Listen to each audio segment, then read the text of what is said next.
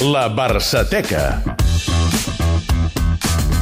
Diumenge clàssic, com hem estat eh, parlant en l'última hora. Avui a la Barçateca volem recordar i sobretot fer memòria, Eudal Serra, bona tarda, Bona tarda. de com de diferent eh, eren en el passat i sobretot com s'escalfaven les prèvies d'aquest tipus de partits de màxima rivalitat. Sí, perquè diríem que ara són com una bassa Sí, d'oli al bé, costat del que era fa molt- uns anys enrere. Mira, El políticament correcte ha arribat als Saps clàssics. què passa? Que és que abans els jugadors parlaven abans dels partits. Ara, com que no els sentim, no, no els sabem, no es poden també escalfar. parlaven força més, i els També, també. entrenadors, Tothom etcètera, parlava etcètera. més. Ara, ara ho sentireu, eh? Mira, tirem enrere 21 anys, que em sembla que Sí. ja és una època És bona. l'època pre-búnquer.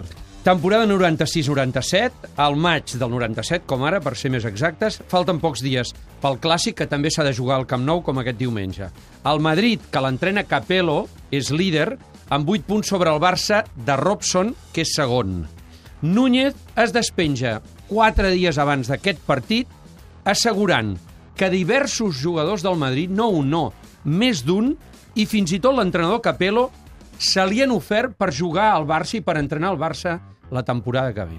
Sí, 3-4 jugadors s'han ofert al Barcelona, igual, i que l'entrenador també li hagués agradat entrenar al Barcelona. I per tant això és la grandesa del Barcelona, no?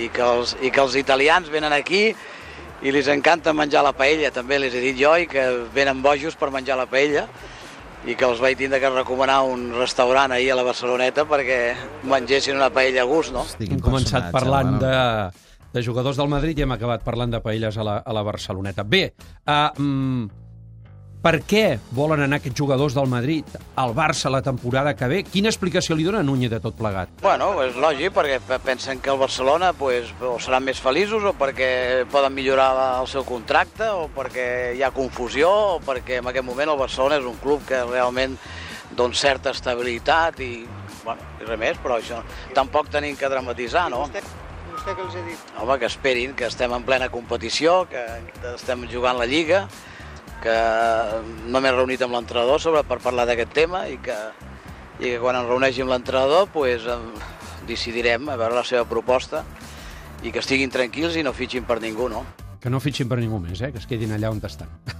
tot plegat sembla sorprenent, eh? Bé, des del costat del Madrid, què en pensaven de tot plegat? Sentim el president, Lorenzo Sanz. Como broma me parece bien y como justificación de, de José Luis Núñez ante sus jugadores y, sus socios me parece también bien, ¿no? Se nota que está en pre-campaña. Pero aquí la verdad es que eh, yo sí puedo asegurar que aquí han venido representantes de jugadores como Ferrer, Figo, incluso algunos más que se llevan alguna sorpresa importante, porque por mucho que digan, hay algún jugador que no va a seguir la temporada que viene y por mucho que quieran vender el producto no lo van a vender. Pero es un problema de ellos que a mí me tiene sin cuidado. Doncs després ho veurem. Va tenir raó Lorenzo Sanz amb aquestes prediccions, perquè del Barça sí que van marxar jugadors i en canvi del Madrid no, no en va marxar cap. No, de fet, l'any següent van guanyar tots aquests que deia, Zucker, co- van guanyar la, la, sèptima. Exacte. Mentrestant, Fabio Capello, per això dèiem abans quan la Sònia comentava, ostres, els jugadors parlaven, i els entrenadors, el no diguis a ningú de Catalunya Ràdio amb el Jordi Basté, desmenteix rotundament aquesta possibilitat. Por favor, vamos, que, que a empezar. Nosotros somos de Madrid, nada más. Tenemos eh, a esta camiseta.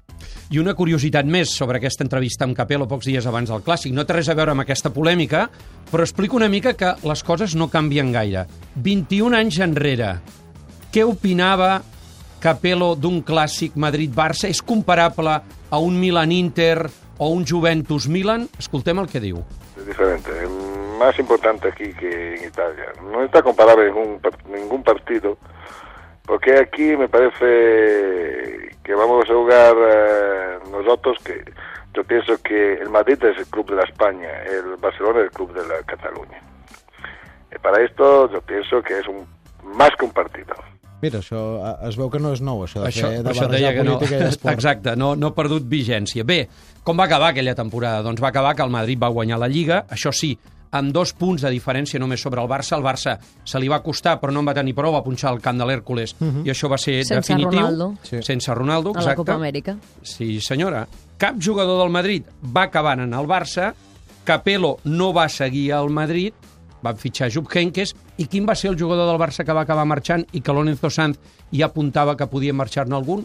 Ronaldo, Ronaldo. que se'n va anar a l'Inter. Doncs tot molt bé. Uh, esperem que, vaja, aquesta temporada segur que pel que fa a la Lliga s'acabarà millor que en aquella ocasió pels interessos del Barça. Gràcies, Abdal. Adeu.